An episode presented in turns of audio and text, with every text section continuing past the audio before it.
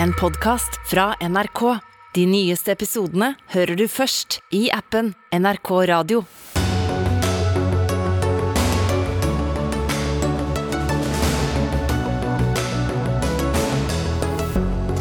I dag ble skattelistene offentliggjort. Nå vil Rødt gi oss tilbake muligheten til å søke opp folk helt anonymt. Regjeringens solidaritet stanser i norske fjøs, kritiserer Høyre. Grunnen? De vil ikke støtte forslag om tollfrihet for ukrainske varer til Norge. Et forslag om kun dagmøter for bystyret i Oslo ble nedstemt. Det viser hvor lite opptatt andre partier egentlig er av kvinner i politikken, mener SV. Og En ny dokumentasjon viser skadeskyting av villrein fra helikopter. I vinter planlegger myndighetene tilsvarende villreinjakt på Hardangervidda. God kveld og vel møtt til Dagsnytt 18, i dag ved Sigrid Solund. Og Vi begynner med at tyskerne i dag våknet opp til nyheten om at 3000 politifolk gikk til aksjon mot høyreekstreme som hadde planlagt statskupp. Politiet slo til mot 130 boliger over hele landet. Blant de arresterte er en tidligere parlamentariker, en tidligere forsvarstopp og en prins som var tiltenkt rollen som monark i det nye regimet. Korrespondent i Berlin, Roger Severin Bruland, hva har skjedd gjennom dagen? Ja, det har jo vært masse skriverier om det her i eh, tysk presse. Og det vi vet, er at planen deres var å innta Riksdagsbygningen for eh, så å ta over kontrollen over staten. Så skulle da etter planen egentlig politi og sikkerhetsapparatet kollapse, og de ville slutte seg til denne eh, rørsla som eh, ønsker seg tilbake til keiserdømme og føydalsystem. En ganske utrolig historie, men også ganske alvorlig, for dette er jo faktisk en av de største politiaksjonene i moderne tysk historie. Og disse folka her hadde jo fått tak i våpen, og skal også ha hatt våpentrening. Så eh, voldelige folk som kunne ha, ha skapt et, eh, gans, en ganske alvorlig situasjon her i Berlin sentrum. Og En av dem var altså prins Heinrich Heinrich 13. fra et gammelt eh, adelshus, som også er pågrepet. Hva vet vi om hans rolle oppi det hele?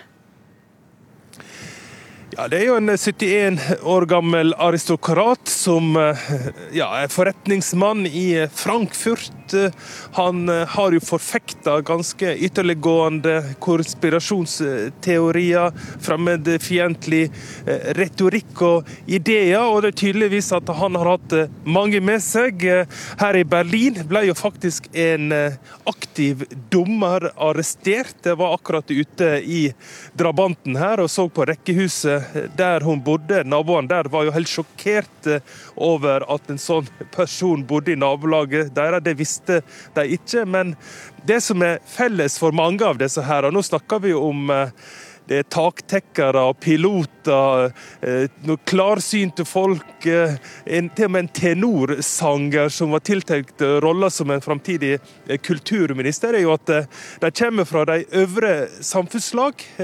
Kanskje litt isolert, lever sin egen boble, men som har svært ekstremt tankegods, og som da tydeligvis på et punkt har vært villige til å gjøre voldelige handlinger for å få gjennom eh, sine ideer.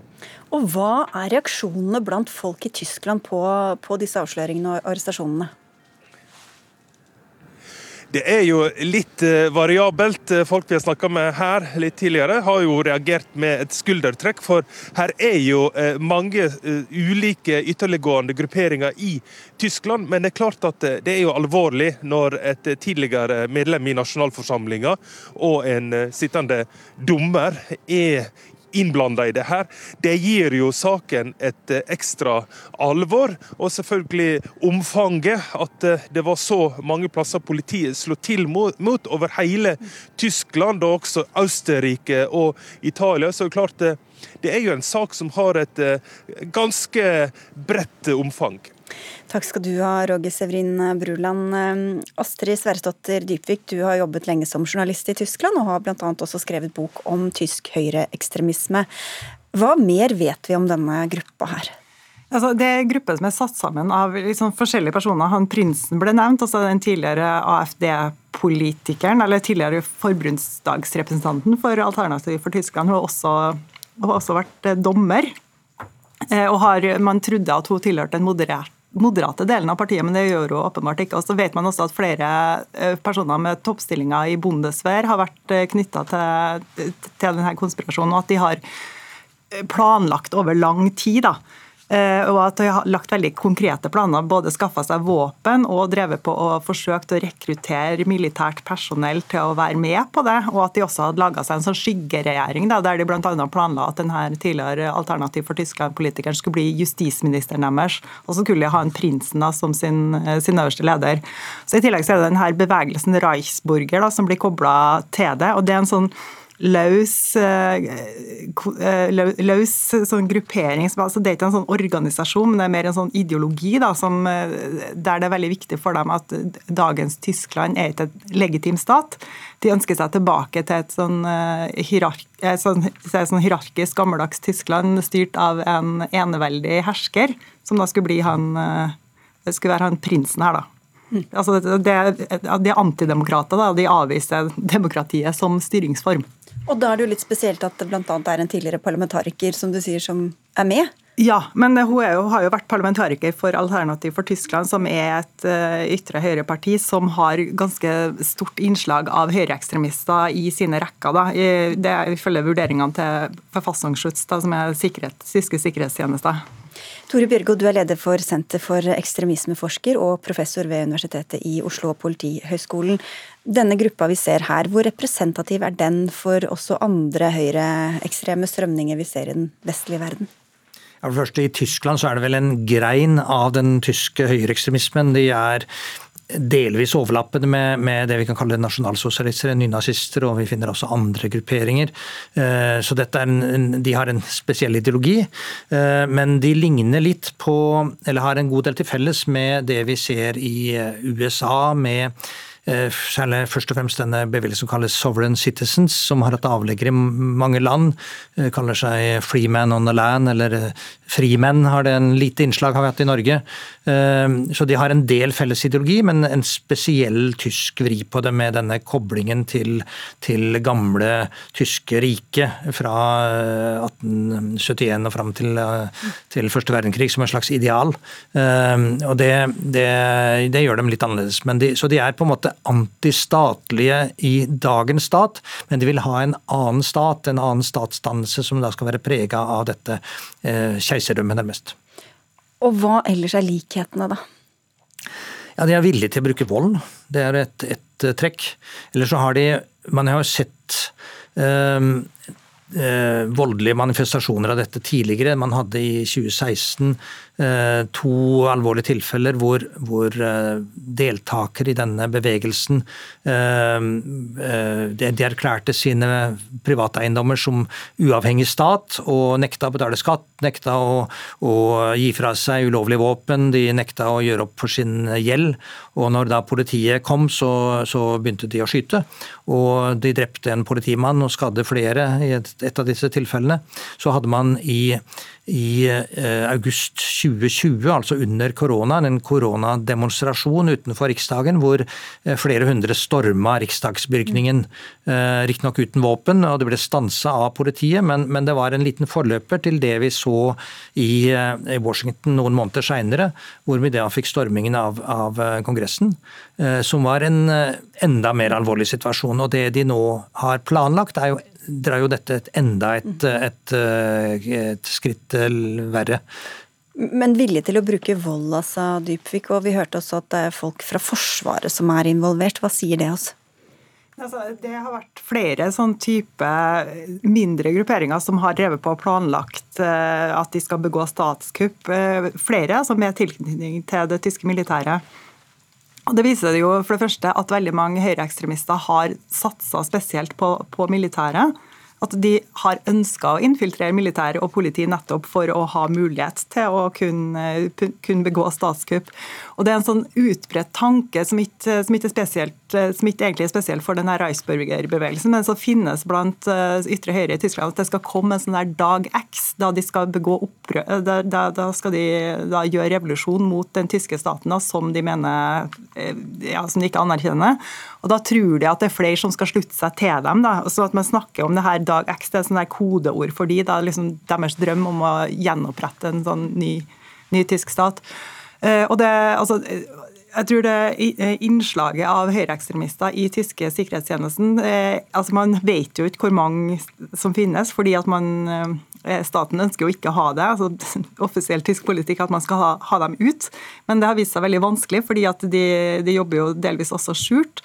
Men så En av de som er involvert her, han har jo tilknytning til det her KSK, som er en elitestyrke innenfor Bundeswehr.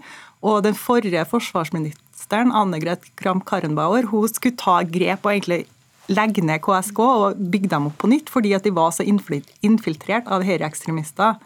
Eh, og nå ser vi her da at en person fra KSK faktisk er involvert i det her eh, kuppet. da. Eller kupp-planene. Ja, I april så pågrep også tyske myndigheter en gruppe som ville plan planla å bortføre helseministeren. Vi hørte Roger her si at det var mange som bare reagerte med et skuldertrekk, uten at jeg vet hvor representativt det er. Men hvor utbredt er eh, sånne type tanker og teorier i, eh, i Tyskland?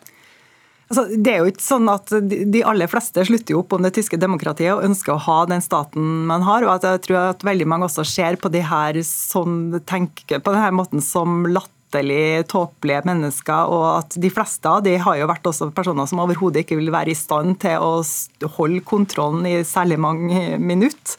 Eh, men, men, jeg tror at man vet jo faktisk ikke helt eh, omfanget av det. Da, og Det har vært flere opprullinger knytta til politifolk og til folk innenfor militæret som har på en måte drevet på med sånne her dag X-diskusjoner. Eh, men det, det, som vi også skal vite, er jo at den tyske, eh, altså at, mener, at den tyske sikkerhetstjenesten, eh, Bundesamt for Verfassungsschutz, mener jo at høyreekstremister er den største trusselen mot det tyske demokratiet, og at de derfor bruker også store ressurser på å følge med på dem. Da. Så Det er også derfor det kommer opp denne type, denne type saker. Bjørgo, du nevnte antikorona- eller antismitteverntiltak, demonstrasjoner. Hva er sammenhengen mellom eh, vaksinemotstand, eh, uten å slå dette i hardcore med noe som helst form for terrorisme, men disse teoriene og, og det vi har sett her? Ja, det vi har sett under denne pandemien, er jo at en rekke ulike grupper med svært forskjellig ideologi og svært forskjellige holdninger har funnet sammen i felles demonstrasjoner. altså Noen av disse demonstrasjonene vi har sett både i, i Tyskland, men også i Oslo, har jo samla folk fra svært ulike grupperinger. Både tradisjonelle nynazister og, og, og folk som har vært innvandringsmotstandere og anti-islam, men også folk fra, som har vært eh, konspirasjonsteoretikere, vaksinemotstandere og til og med folk fra venstresida, som har samla seg i samme demonstrasjoner og til det slutta seg til noen av de samme konspirasjonsteoriene. og Det har vi også sett i, i Tyskland altså det vi kan kalle en konvergens mellom ulike grupperinger. Og det at disse eh, riksborgerne har eh, kanskje satsa spesielt på dette, for de har sett at her har det vært en mulighet til å bringe flere inn i, i deres fold, så å si. Så, så det, det, disse demonstrasjonene, de, denne stormingen av, av uh, Riksdagen for, i 2020, var jo et eksempel på det. At det var ikke bare, bare Reisbürger, men det var også en rekke andre som var med på det. Og hvor en av tankene også er at det finnes en slags dyp stat som egentlig styrer i samfunnet. Ja, Dette er jo en av de ideene som de har overtatt også fra USA. ikke sant? Altså selv Trump eh, lanserte jo denne teorien om, om den dype staten. Eh, QAnon-konspirasjon om at det er eliter som driver da med, med en, en, eh, ring av, av, barne... Som driver handel av barn og seksuell utnyttelse og spising av barn. Groteske, meningsløse konspirasjoner har blitt tatt opp også av tyske ytre høyre-folk. Så det, noen av disse ideene sprer seg jo eh, på tvers av landegrenser, så å si. NRK følger saken videre. Takk skal dere ha for at dere var med, Tore Bjørgo fra Senter for ekstremismeforsker og forfatter og journalist Astrid Sverresdatter Dybvik.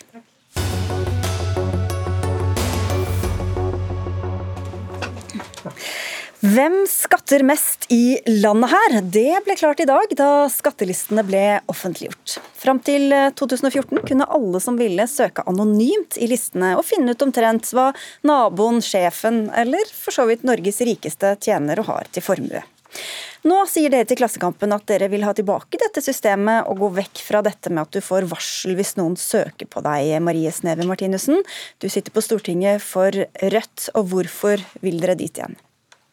Ja, vi vil det. Noe av det første Siv Jensen gjorde da hun ble finansminister, var å innskrenke muligheten til å søke i skattelistene, og det fungerte veldig bra. Ni av ti søker skattelistene forsvant da. og Noe av det andre Siv Jensen gjorde, var å kutte i skattene til de rike. Så jeg mener at de to tingene henger sammen, fordi vi må ha åpenhet og innsyn i hvordan økonomisk ulikhet i Norge er, for at vi skal kunne ha en debatt. Vi er jo ganske mange som er enig i at vi har et spleiselag i Norge der vi skal yte etter evne. og Da må vi også ha muligheten til å vite helt åpent hva den evnen er. Det er ikke sånn at skatt er et uh, privat spørsmål, det er et spørsmål om hvordan vi som samfunn får regninga til å gå opp. og Derfor vil vi ha tilbake muligheten til å søke anonymt, uh, men beholde en innloggingsfunksjon, sånn at f.eks. unger ikke kan uh, søke på de her tallene. Men Hvorfor holder det ikke at alle kan lese i avisene og på nettstedene nøyaktig hva disse folka tjener, da?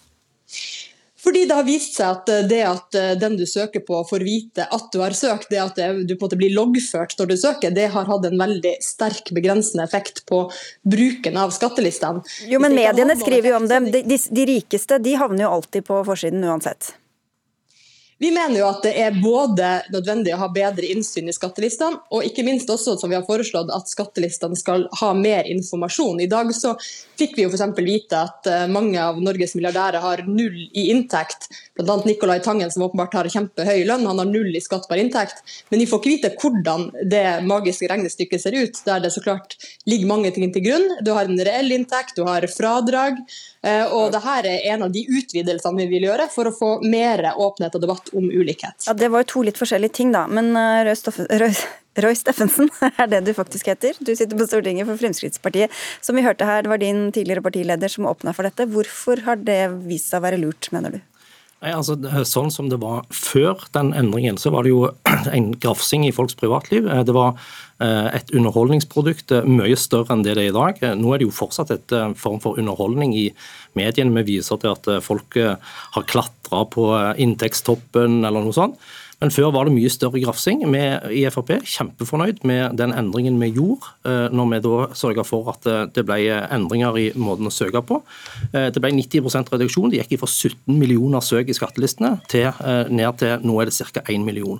Men Så, Hvorfor er det grafsing? Hvorfor er det en privatsak hva folk tjener og skatter? Nei, altså, Frp har den prinsipielle standpunktet at vi mener at det du tjener og det du har i altså inntekt og formue, det er en privatsak mellom skatteetaten og deg. Eh, så kan vi alltid si at eh, For å få den type diskusjoner som jeg tror Rødt er interessert i, om eh, formue, om forskjeller, om f.eks. levekårsutfordringer i bydeler og sånn, så det er fullt mulig å hente ut. Vi henter statistikker hvor du da kan få sortert på, på inntektsnivå, på alder, på kjønn, på bosted, om du har barn eller ikke. Alt det kan du få ut, men forskjellen er at da får du gruppevis, og du får det ikke brutt ned på individer. og Det blir ikke et, et, et eh, kikka samfunn hvor du da får eh, sladder, som, eh, som var konsekvensen av sånn som det var før. Ja, Hvis det er utviklingen som er viktig her, Martinussen, hvorfor skal man da sette fokus på enkeltpersoner? Jeg mener det er et viktig prinsipp at eh, økonomi og skatt det er viktig for samfunnet. Rett og slett fordi vi har en stor regning vi skal betale sammen. og Da må vi kjenne hvordan rikdom og eierskap er fordelt. Og For meg så er det da et problem at det nå viser at færre føler det er naturlig å søke i skattelistene og få den informasjonen, men også at den informasjonen man får er altfor dårlig. Det er jo sånn med mm. alle problemer at du må kjenne problemet for å kunne løse det. Sånn er det med klimaproblemene, sånn er det med økonomisk ulikhet. Og Rødt mener jo at det er et veldig stort problem med økende ulikhet, og da mener vi at det er viktig å få fram den informasjonen her. Er dere opptatt av å bekjempe ulikhet, Steffensen? Ja, men som sagt så mener jeg at det kan vi løse med altså Diskusjoner rundt dette kan vi løse med å hente ut tall fra SSB, fra Skatteetaten, fra Finansdepartementet og sånn. Vi er ikke avhengig av at eh, tante Aslaug i 4B skal sitte og søke på hver enkelt i nabolaget for å, for å se hva de tjener, hva de har i formue, for å se om det er ulikheter og sånt i, i, samfunnet, for å få den type diskusjoner. Dette kan vi løse på helt andre måter. Og igjen, Martinussen, altså de rikeste, hvem som er de rikeste eller skatter mest da, i Norge, det får vi jo vite gjennom mediene. så hvorfor skal, er det så viktig å kunne kunne søke på naboen eller fetteren eller hvem det skal være i nabolaget? Altså, jeg syns mediene gjør en veldig god jobb i å formidle viktig informasjon fra skattelistene. Men det er jo også eh, pressen sjøl som har advart mot den lukkinga man ser, fordi det nettopp gir mindre innsyn. Og det vi er avhengig av at det er flinke redaksjoner som gjør gode jobber. Og jeg skulle heller ønske at det er en mye mer demokratisk prinsipp, at det er en informasjon alle har tilgjengelig. Men så må jeg også understreke at det er like viktig for Rødt at vi får utvida informasjon i skattelistene. Det er sånn at Vi ser verdier i skattelistene som er liksom en brøkdel av de reelle verdiene, fordi måten man rett og slett regner på i skattelistene ikke er god nok. Og akkurat der er dere vel mer enige, kanskje, Steffensen? Ja, altså Det har jo vært et av eh, hovedargumentene våre mot det. det er jo at eh, Skattelistene viser jo feil inntekt eh, på veldig mange, fordi at du tar ikke med fradrag og kan ikke synliggjøre hva som er reell inntekt. Eh, men, men eh, om vi nødvendigvis går for Rødt sitt forslag på det, er ikke sikkert. for Det må jo en høring avgjøre. for Det kan jo være at eh, f.eks. at hvis du bare viser bruttoinntekt, men og samtidig viser skattbar, eller hva du har betalt i skatt, så kan det jo òg være muligheter å regne ut hva folk har i gjeld, f.eks. Eh, og, og det er gjerne ikke den type informasjon vi ønsker at folk skal få heller, fordi at det òg er invaderende for, i folks privatliv. Men det er jo ganske få man får vite om gjennom medienes eh, dekning. Kan det tenkes at det er andre altså Hvis man f.eks. vil finne ut om det er forskjellsbehandling på en arbeidsplass, og menn tjener mer enn kvinner, eller motsatt, da trenger man jo helt andre navn enn de mediene selv graver opp. Jo, men så er det jo samtidig sånn at Hvis du ønsker å søke på det, så, så kan du ikke stole på at det, den informasjonen som er i skattelisten, den, den, at den er korrekt. Uh, også, men så, så, vil jeg ha et, et viktig poeng. Jo, men kan svare, svare på det jeg spurte om. da. Altså, de som vil finne ut om det er faktisk andre skjevheter enn det som kommer fram gjennom mediene. Ja, men Den muligheten har de jo i dag. Men at det, po men det er ikke så gøy å være den kollegaen som dukker opp i alles innbokser for å finne ut om du har søkt. Det, det syns jeg er en, en, en, helt grei konsekvens av, av, at hvis du skal søke på hva andre folk har, at de faktisk får beskjed om det.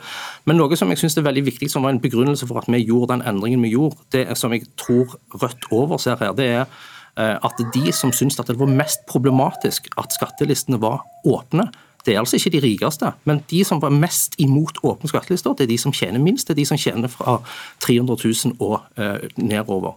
Det er de som syns at dette er skambelagt, at de syns det er ubehagelig å få opplysningene sine eh, offentlig tilgjengelig, at folk i nabolag kan se om de tjener lite. Og selv om dere da ville, som du sa, ville ha en innloggingsløsning så ikke barn kan søke, så trenger du ikke være så veldig gammel for å få en bank-ID eller hva du trenger for å søke om dette, Martinussen, og se hva foreldrene til de andre i klassen tjener.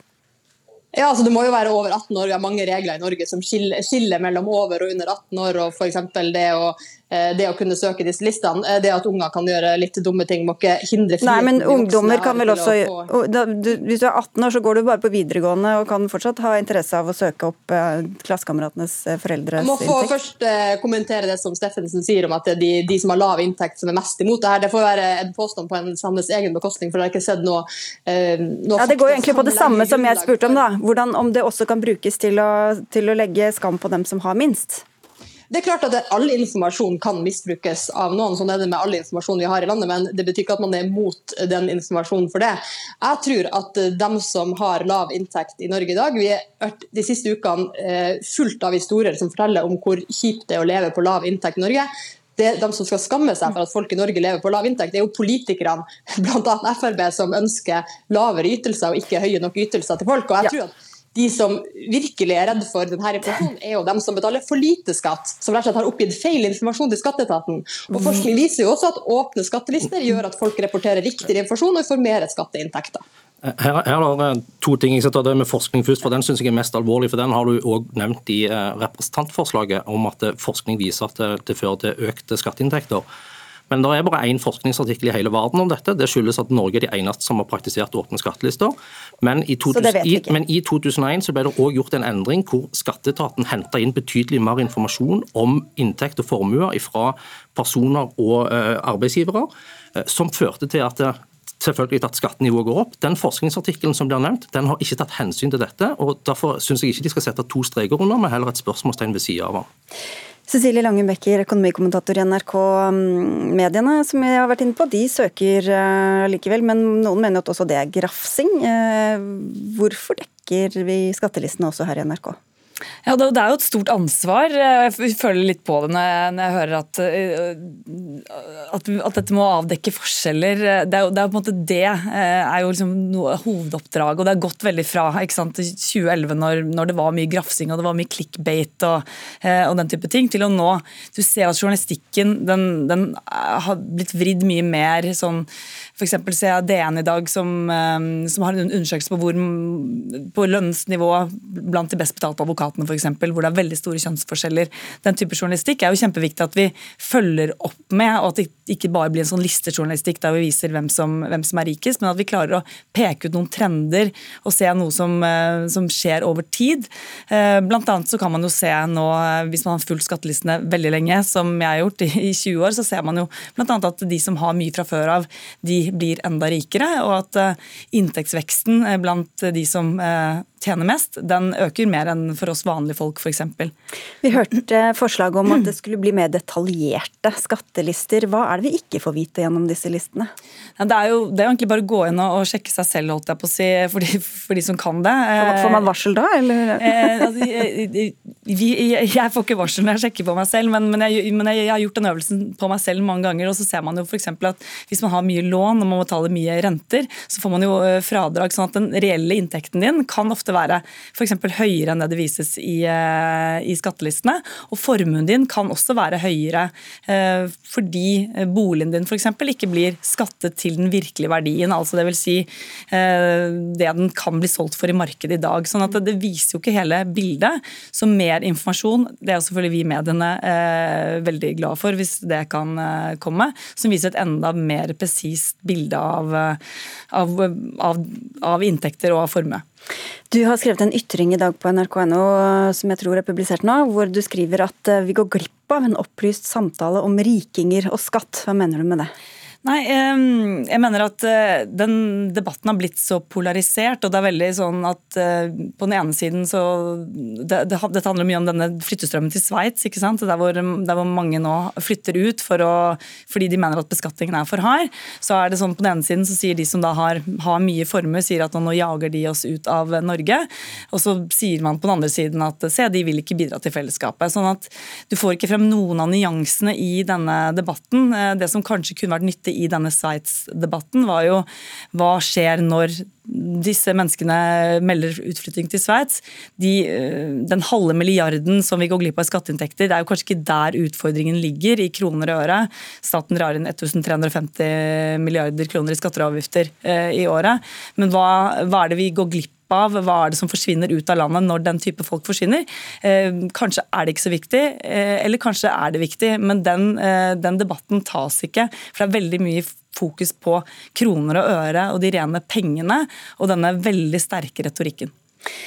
Og mer kan du lese altså på NRK Ytring. Takk skal du ha, Cecilie Lange Becker. Og takk til Roy Steffensen fra Frp og Marie Sneve Martinussen fra Rødt, begge medlemmer av finanskomiteen på Stortinget.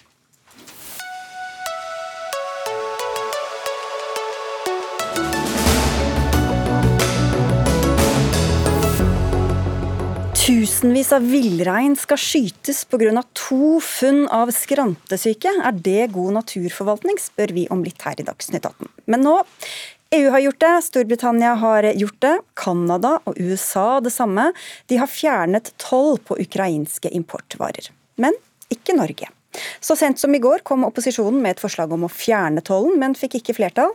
Det fikk nemlig ikke støtte fra SV, KrF eller fra dere partier som sitter i regjering, Geir Pollestad. Du sitter på Stortinget og er finanspolitisk statsperson i Senterpartiet. Hvorfor skal ikke Norge hjelpe Ukraina med å selge varer tollfritt? Ja, Vi skal gjøre det vi kan for at Ukraina får dyrka så mye korn som er mulig, og at de får solgt så mye korn som er mulig. Men vi ønsker ikke å gi tollfrihet for varer inn til Norge.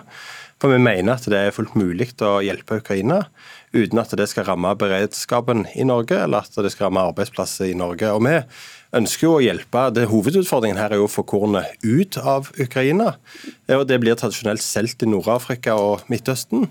Og Der ønsker vi at det fortsatt skal bli solgt. Så Derfor har vi sagt nei til tollfrihet. Men her tenker jo Norge ganske annerledes enn de aller, aller, aller fleste land vi pleier å samarbeide med. da, og Samtidig som vi tjener masse på, på krigen. Hva, hva sier det om oss? Nei, Det sier at vi skal gjøre mer enn de andre landene for å hjelpe Ukraina i den situasjonen som de er. Og det gjør vi òg. Eh, men tollfrihet er ikke et virkemiddel som vil ha eh, effekt for Ukraina. Det er andre måter å hjelpe Ukraina på som vil ha større effekt, og som heller ikke vil ramme eh, norsk matproduksjon. Og det, det at vi i en krisesituasjon evner å holde oppe vår eh, rett og plikt til nasjonal matforsyning, det mener jeg er ganske opplagt at vi gjør. Helge Orten, du er fungerende finanspolitisk talsperson for Høyre. Hvis vi allerede gjør så mye annet, hvorfor er akkurat dette så viktig? Jeg tror dette er viktig aller mest fordi det er en solidaritetshandling. Eh, resten av Europa gjør det. Vi bør gjøre det, rett og slett fordi Ukraina har bedt om det. Det, det kom en forespørsel til, til, norske myndigheter for et halvt år siden. Nå er, vi, nå er det gått et halvt år uten en avklaring. Eh, vi mener at det nå må på plass. Eh, sørge for at vi står side om side med de andre europeiske landene i å yte den solidariteten som vi skal ha overfor et land som virkelig trenger det. Og Når Ukraina ber om det, så mener jeg at dette er et viktig tiltak. Selv om det ikke betyr så mye for vår økonomi, så betyr det kanskje en god god del for, for Ukraina. Ja, hvis vi bare husker litt tilbake, Pollestad, for Det kom et forslag på bordet tidligere om å, om å gi bort oljefondets aksjer i Russland til Ukraina. Da var svaret fra din kollega i finans, eh, partikollega i Finansdepartementet at det hadde ikke Ukraina bedt om, så det var det ikke noe vits i å, å følge. Men her har jo altså Ukraina henvendt seg til Norge gjentatte ganger, og likevel så vil vi ikke høre. Nei, men Vi har tollfrihet på 95% av varene inn til Norge det er korn og noen andre typer landbruksprodukt som vi har eh, toll på. Eh, og så tror jeg at Norge må bistå både med å få kornet ut av Ukraina, for det er jo hovedutfordringen, men vi må også se på hva kan vi gjøre for at neste år Men hvorfor lytter vi ikke akkurat her? Nei, fordi at Vi må gjøre en vurdering av hva vi hjelper med, og hvilke konsekvenser det har eh, for oss. Og Det vil ramme selvforsyningen i Norge. Det vil være dramatisk hvis en skal få eh, store mengder billige billig korn inn i det norske markedet. Vi har en plikt til å forsyne oss selv med korn, og så må vi bidra til at kornet for Ukraina kommer til de landene som tradisjonelt kjøper det. Og jeg mener også at Vi må gå inn med støtte for å sikre at land som f.eks. Jemen og Sudan får tilgang på korn for Ukraina. Altså, jeg tror Pollestad overdriver problematikken sett fra et norsk perspektiv. denne handelen utgjør veldig lite, ca. 700 millioner i 2021 eh, med Ukraina.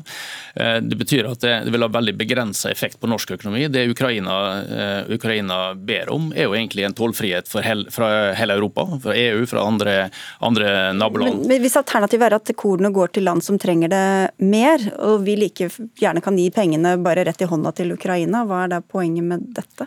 Jeg tenker at Det aller viktigste her er at vi solidarisk stiller opp for Ukraina når de ber om det. Her har hele Europa egentlig gjort det samme som de nå ber Norge om å gjøre. Og så sitter vi egentlig og ikke gjør noe av sannsynligvis fordi Pollestad er bekymra for landbruksnæringa. Det er ingen grunn til i denne situasjonen. her. Dette er et lite omfang. Det er et lite omfang. Det er et veldig lite omfang. Og, jeg, og det å argumentere med beredskap tror jeg er en, en veldig overdrivelse. Og Det som jeg tror er aller viktigste her, er jo egentlig for Ukraina å se at Norge også også stiller solidarisk opp sammen med de andre europeiske landene i den saken. Og Vi har jo fulgt EU i alle andre saker når det gjelder Ukraina, Pollestad. Ja, men Det skal ikke være noen tvil om at Norge skal stille opp for Ukraina. Vi skal stille opp eh, mer enn de fleste andre land òg, fordi at vi har eh, større ressurser.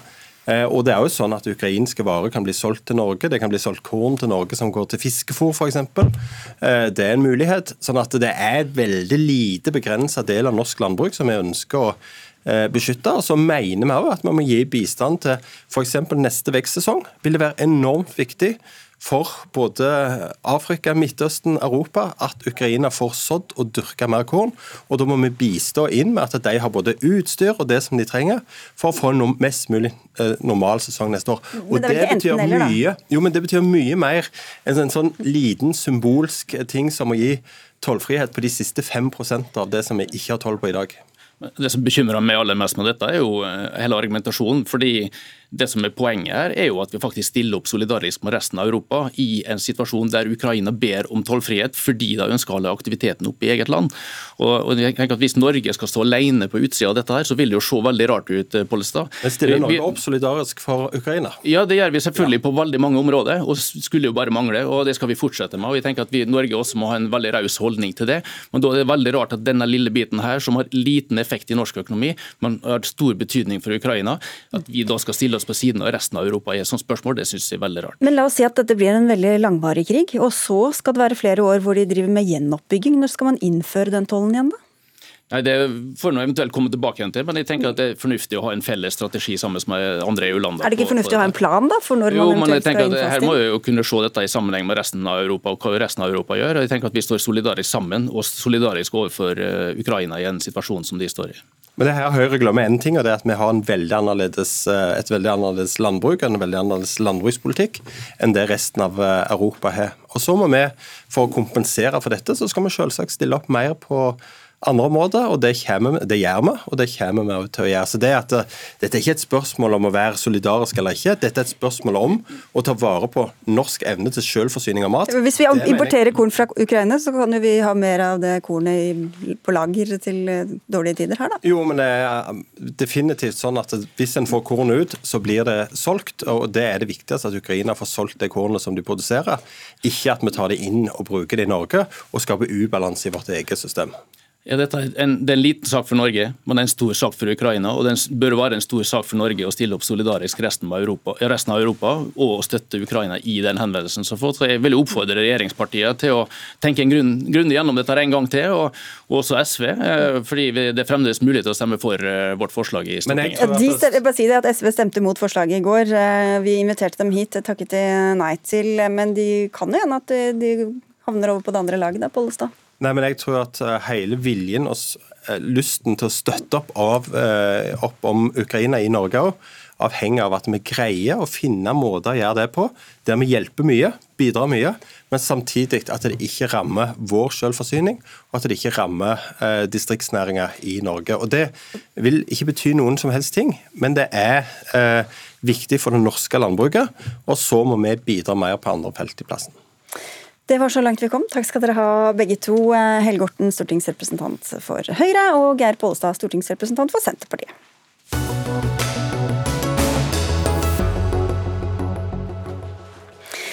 For kommunepolitikere over det ganske land er det vanlig å måtte bruke kveldene på lange møter med debatter og avstemminger. Noen gjør det annerledes og legger møtene til dagtid.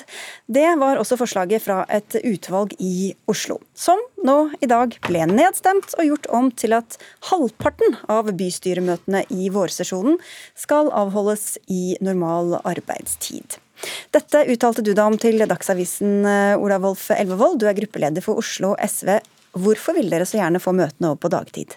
Det er fordi vi har en systematisk utfordring som, som forskning også har vist, at når kvinner får barn, så faller sannsynligheten for at de blir valgt markant. Dobbelt så mye som menn. Det er også mye lavere sannsynlighet for at de får ledende verv, altså da får altså makt over, over tid. Så vi har et møteregime nå som er nedarva fra 80-tallet. Det har ikke vært endra på mange tiår. Det er jo ikke tilpassa den tida vi, eh, vi, lever i. Og det, ja, det rammer småbarnsforeldre, det rammer særlig, særlig damen. Og det må vi gjøre noe med på et litt sånn systemisk nivå. Ja, men Hvorfor tror du at det rammer særlig damene i et såpass likestilt uh, samfunn som vi har nå? Ja, og det, det, er jo synd, men det er jo en kjensgjerning at det er stadig sånn at det er damer som gjør hovedtyngden av, av omsorgsjobben hjemme. Og Det er antakelig også årsaken til at disse utslagene er bevist med forskning.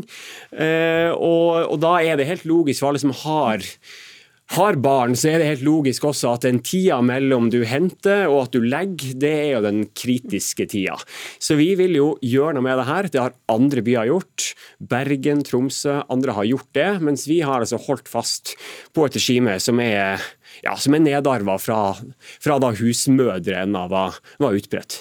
Og Da stilte du spørsmål om hvor dypt feminismen stikker for partiene som stemte imot, og det var jo blant andre dere. Det i feministpartiet Rødt, der du er gruppeleder, Siavash Mubasheri. Hvorfor er dere ikke mer opptatt av hvordan dette slår ut for kvinnene? Altså, Det har jo blitt omtrent framstilt som at vi ikke er, et, er, for et forsøk. Det er vi jo. Sånn vi, går, vi, går, med på å gjennomføre et forsøk der halvparten av bystyremøtene i 2023 skal gjennomføres på dagtid og resten på, på kveldstid. Og så er det jo helt klart viktig for oss å legge opp til at både kvinner, men folk, altså mennesker i ulike livssituasjoner, altså folk med ulike funksjonsevne, bakgrunn, skal kunne delta i lokaldemokratiet vårt. Men vi mener liksom ikke at, at, eh, at det er dagmøter eh, som gjør at, at, folk flest skal kunne delta eh, i, i parlamentariske organ. Men du blei litt provosert over dette feminismestikket? Helt klart. altså SV av alle veit veldig godt hva Rødt har stått for historisk når det kommer til kvinnefrigjøring og å bekjempe kvinneundertrykking undertrykking i samfunnet. Eh, og Da har vi også vist gjennom forslag i bystyret med å opprette en kvinnepott. Eh, så jeg syns det høres litt hult at, SV på angriper oss på den måten. Ja, men Da bare er jeg litt overraska over at man ikke følger det opp. og liksom La oss bli helt konkrete her. sant? Hvis du er en alenemor eller aleneforsørger i, i det hele tatt, og så er du da helt avhengig av at alle disse møtene skjer på kvelden. Det er jo ikke uh, så himla lett. Så, så, jeg bare tror at hvis du hadde uh, uh, fått iallfall noe mer av det her over i åpningstida til skoler, til barnehager, så blir det lettere for alle å være med. Det vi foreslo nå, var en pilot. Ti måneder, ti møter. Det er nå utvanna i såpass stor grad at det blir på en måte litt vanskelig å høste erfaringer og, og følge det opp. Og Her går altså Rødt i et eh, ja, kompaniskap med Høyre som, som vil ingenting. og det er, det er, overraskende. Hvis man skal ta konsekvensen av denne forskninga, som tyder på at den ene gruppa blir systematisk utelukka, så må man jo gjøre noen politiske vurderinger utover sånn ja, folk har ulike livssituasjoner, ulike behov, det er sant, men alle har lovfesta krav på fri. Studenter også. Du får kompensert lønn. Så jeg skjønner ikke disse innvendingene. Altså, jeg tror ikke Ola Wolf Eikrem har hatt en vanlig jobb i vanlig arbeidsliv. fordi situasjonen er. Jeg har vært lærer selv i Oslo kommune. Eh, det å få fri fra jobb det er virkelig ikke enkelt eh, for å kunne delta i, altså, i et kommunestyremøte. Og så er det to perspektiver her som SV hopper over. Det ene er jo altså, lokaldemokrati. Hvordan påvirker det at politikere møtes på dagtid når det kommer til folks mulighet til å delta i, i lokaldemokratiet, til å kunne være med og delta i en høring, møte et utfall utvalg. Det, det perspektivet er helt glemt. Ja, ta, det, ta, det, først. Hvorfor er du ikke mer opptatt av at folk skal kunne stille opp på møter eller demonstrere for den saks skyld når dere er aktive på møtet? Jeg tror at I 2022 så tror jeg de aller fleste som vil følge med, de gjør det på kommune-TV. Hvis du vil ha en demo, så må du jo enten ha den da. Vi vil starte møtet klokka ni. Da bør du ha den demoen halv ni. Nå starter det tre. Da må du ha den halv tre. Det er innenfor vanlig arbeidstid for vanlige folk. Her er det et klasse, klasse, og jeg har hatt vanlige jobber, jeg også, men du har altså et lovfesta krav på fri.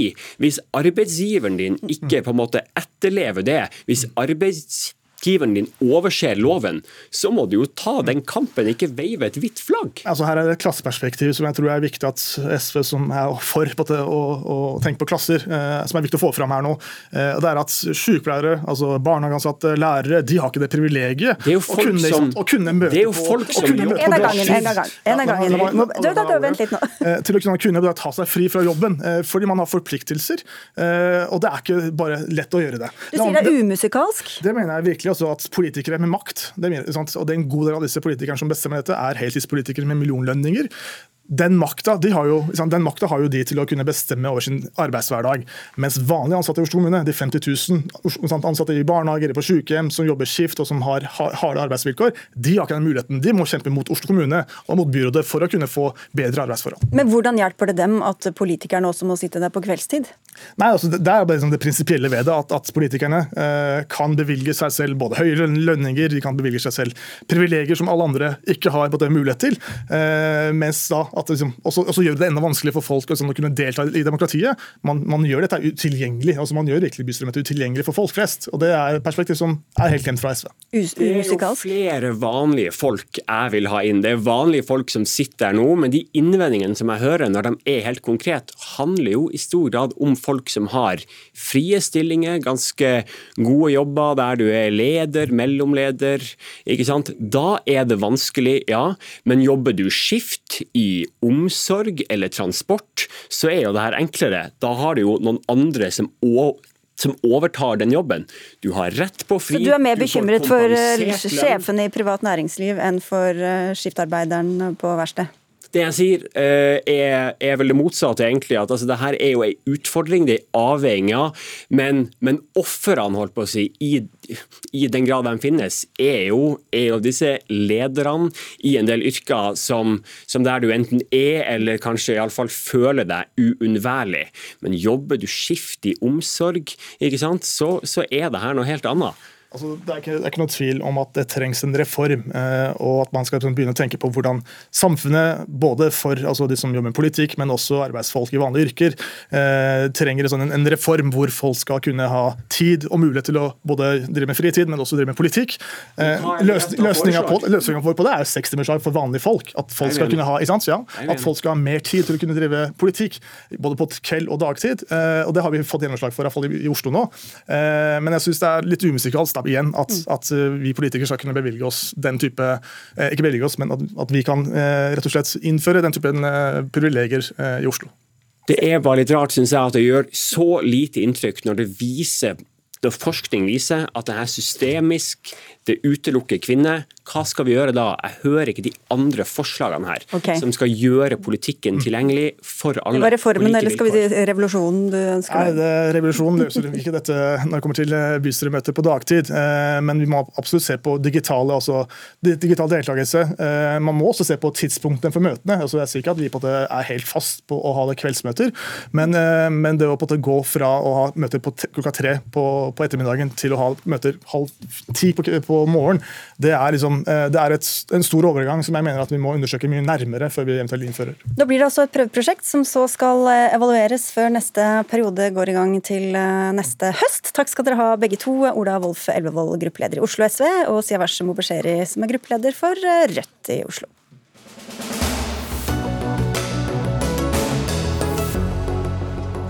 Organisert dyreplageri, det er overskriften i en sak i VG i ettermiddag. Videoene der, som også TV 2 har publisert, viser jakt på villrein i Nordfjella i 2018, der flere dyr ble skadeskutt mens de løp, og de ble skutt på altså fra et helikopter.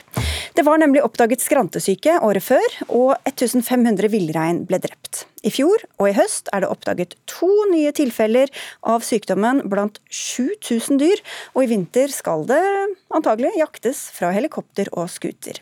Det er i hvert fall det Mattilsynet og Miljødirektoratet planlegger. Så mange storbukker som mulig skal tas av dage. Alexander Øren Heen, du er statssekretær i Miljø og Klima- og miljødepartementet, og du har sikkert også sett eh, disse videoene. Hvordan er dette god forvaltning av norsk eh, villrein? Det er jo dramatiske videoer som viser eh, et stort stress på dyra. Eh, skadeskyting. og Det er jo ikke noe som en kan sammenligne med ordinær jakt. Eh, og Det var jo forrige regjering som tok beslutningen om dette. og Jeg vil jo tro at det ble lagt vekt på hensynet til både dyrevelferd, men oppimot òg det å bekjempe sykdom. Men det må nesten de svare på. Men nå er det jo altså planlagt en tilsvarende jakt med scooter og med helikopter. Hva slags dyrevelferd ligger i det? Det er ikke planlagt. Vi har fått et råd om det, det der det er et av tiltakene som blir pekt på som, som viktige. Men vi har ikke konkludert på at det er forholdsmessig riktig sett opp mot hva gevinst en vil få ved å ta ut ca. 250 dyr, som, som, det som er anslått. Da. Spørsmålet er jo om denne jakta er nødvendig i det hele tatt. Eh, Eigil Reimers, du er professor emeritus eh, ved Institutt for biovitenskap ved Universitetet i Oslo, og har forsket på villrein i en mannsalder, kan vi trygt si. Du er en av dem som har sendt en bekymringsmelding til myndighetene. Hva er du er bekymra for?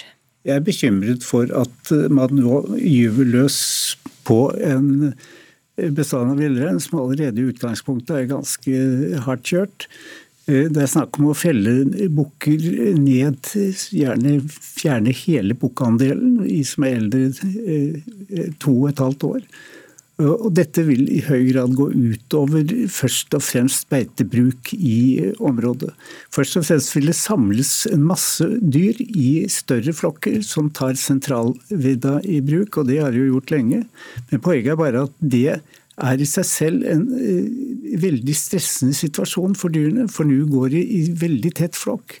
Og de er helt avhengig av å ha beitero i forbindelse med at de nå først har gjennomlevet en sommer hvor stresset er ganske påfallende i forbindelse med alt fra turister, rypejakt, villreinjakt og til slutt er det brunst og paring, som i seg selv er ganske stressende for disse dyrene. Og så skal man da muligens sette i gang en vinterjakt. Og på, Dette topper seg jo helt i forhold til hva som er et energibudsjett disse dyrene er avhengig av for å gjennomleve en vinter.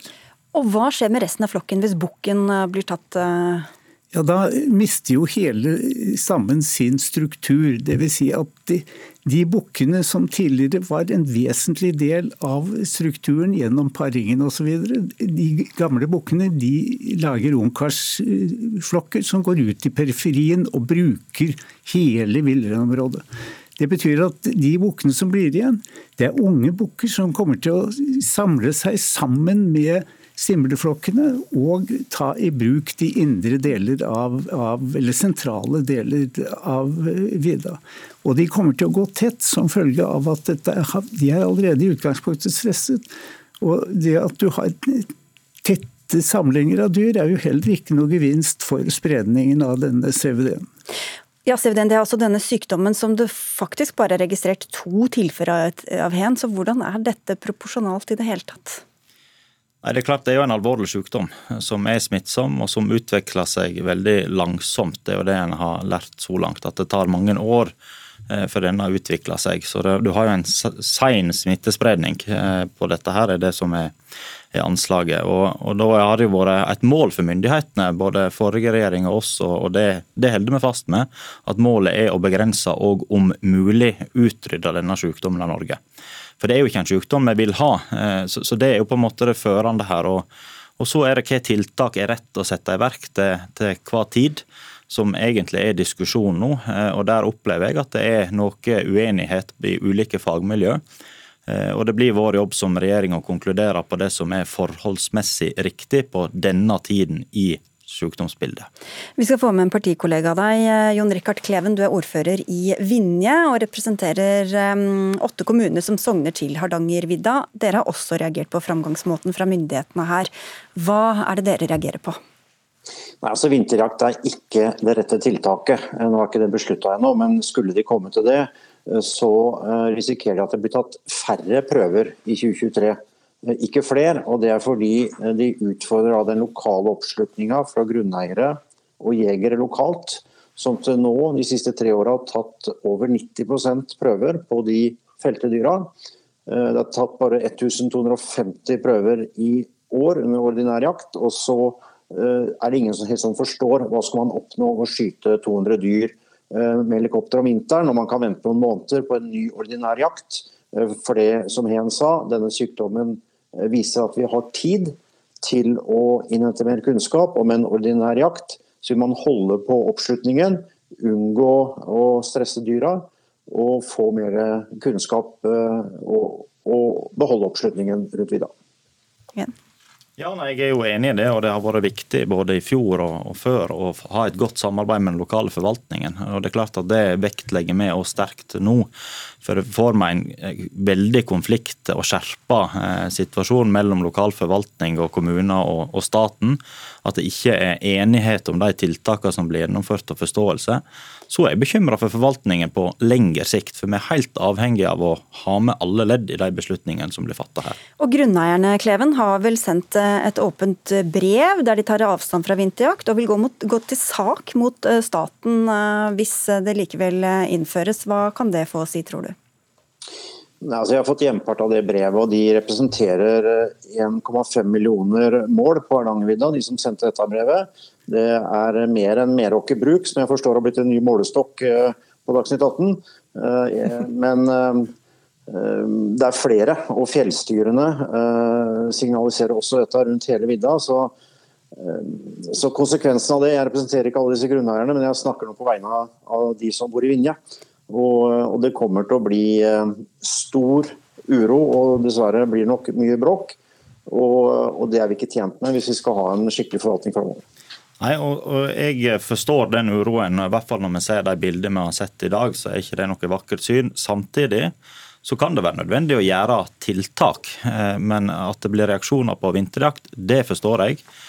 Så får vi komme tilbake til hva type tiltak som er forholdsmessig riktig. Men noe må vi gjøre for å prøve å ha best mulig kontroll på denne sykdommen. Reimers, disse videoene viser altså da skyting fra helikopter. Her er det også snakk om å jakte fra scooter. Hvordan reagerer reinen på det? Nei, Dette er jo en veldig trist affære. fordi er det noe dyr registrerer, så er det jo nettopp ting som er ubehagelig. Det betyr at de habituerer eller sensitiviseres. Det si siste er at de øker frykt og fluktterskel og flykter på mye lengre hold og blir stresset på langt hold. Bare lyden av helikopter og snøscooter i Hardanger eller på Hardangervidda er i seg selv en så stressende faktor, fordi disse dyrene har vært utsatt for dette nå over så lang tid. Så jeg syns det er helt meningsløst å begynne å gjennomføre, i tillegg til det stresset disse dyrene nå opplever, med at hele bestanden skal ned til et minimum. Altså, Norge har jo et særskilt ansvar for uh, villrein, uh, ifølge internasjonale konvensjoner, hen. Samtidig som naturtoppmøtet i Canada åpner, så uh, diskuterer vi om vi skal skyte villrein fra helikopter og scooter pga. to tilfeller av skrantesyke. Hvordan ser det ut? Nei, Jeg er jo enig i at det ser ikke bra ut. Samtidig så er jo målet her å bekjempe en sykdom sånn at vi på lang sikt kan ivareta den villreinen. Og det er regjeringen veldig opptatt av. Vi har vedtatt at vi skal utarbeide en stortingsmelding for villrein. Vi skal i gang med tiltaksplaner for de mest sårbare flokkene. Så det er et lengre løp. Og så står vi i en sånn akutt sykdomshåndteringssituasjon eh, som vi må finne gode tiltak på. Og som Jeg har sagt før, jeg kan ikke konkludere på vegne av regjeringen i dag, men dette er en sak som vi tar på største alvor, og som eh, flere departementer er involvert i. Hva kan man gjøre da, Reimers, for å bekjempe sykdommen? Jeg er jo den oppfatning at dette er en sykdom som er kommet for å bli. Dette er ikke noe vi greier å utrydde. Altså, du kan ta ut 99,9% av all rein på Hardangervidda, og så vet du ikke helt sikkert om det ikke siste dyret er igjen. Så jeg er innstilt på at dette er en sykdom vi kan leve med, og skal leve med fremover. Og det betyr at vi må bare intensivere prøvetaking, eh, bringe stammen opp til et høstbart nivå beholde jakttradisjoner, som tross alt er så nedfelt i hele vår eh, atmosfære, hadde jeg nær sagt. Så jeg er for at vi nå intensiverer prøvetakning, følger med, men bringer bestanden opp til bærekraftig nivå. Og så eh, tar vi det derfra. Jeg tror ikke vi greier å utrydde denne sykdommen. Det er mulig at vi kan gjøre det, men vi må ikke glemme at Ville dyrs opptreden er ganske annerledes enn det vi finner i fjøs. Og Det er det som, denne fjøstanken som Mattilsynet i første rekke står for, som er min bekymring. Fordi vi opererer med ville dyr som er vant til å håndtere sine sykdommer på fornuftig vis. Og det er ikke noen nødvendig sikkerhet at denne sykdommen ikke enten går seg til eller forsvinner. Ja, eh, Jeg er jo litt uenig i at vi skal forlate målsettingen om å bekjempe denne sykdommen. Fordi at vi har eh, er 24 villreinstammer, vi har stor tamreindrift. Vi vet ikke om sykdommen kan smitte over til andre hjortedyr og beitedyr. Så det å få en eskalering, en stor eskalering av dette, det, det må vi være vare på. Eh, så Det er jo vi bekymra for. Så Vi er ikke der at vi vil forlate målsettingen om å bekjempe eh, og muligens utrydde sykdommen i Norge. Og Vi ser jo i USA og Canada, der denne sykdommen har fått utvikla seg, altså tilsvarende sykdom, så har dette bredd seg utover. Så, så det er absolutt et mål for myndighetene å forhindre det. Kleven, eh, veldig kort. Men det, er en, det, er en, annen variant av CVD som er i Nord-Amerika. Eh, vi vet jo ikke i hvilken grad den varianten de har, ikke lar seg kurere av den er sagt av naturlig vei. Men, men, eh, jeg er altså innstilt på at vi må tilbake til en normal i dette. Til, til slutt, eh, kort Kleven. Du har sikkert også sett disse, denne filmingen fra rein som blir skadeskutt. Hvordan ser du for deg å få skutere og helikoptre over Hardangervidda til vinteren? Nei, det ser jeg ikke for meg. Det blir ikke pent. og jeg tror Når man har to av 7000 dyr som man har funnet nå, og så tror regjeringen at du må skyte 200 dyr, og så skal du treffe en, en villrein med smitte, da er det litt som regjeringa som også styrer over Norsk Tipping, som markedsfører at du kan vinne i Lotto. Så ja. Du understreker at regjeringa har ikke sagt dette. Nei, nei, jeg skjønner. Men dere skal bestemme dere snart? Ja. Når da? Snart. Takk skal dere ha for at dere tok turen til Dagsnytt 18. Gro Arneberg var ansvarlig for denne sendingen. Teknisk ansvarlig Vegard Erstad. I studio satt Sigrid Solund, og det gjør jeg forhåpentlig i morgen også. God kveld videre.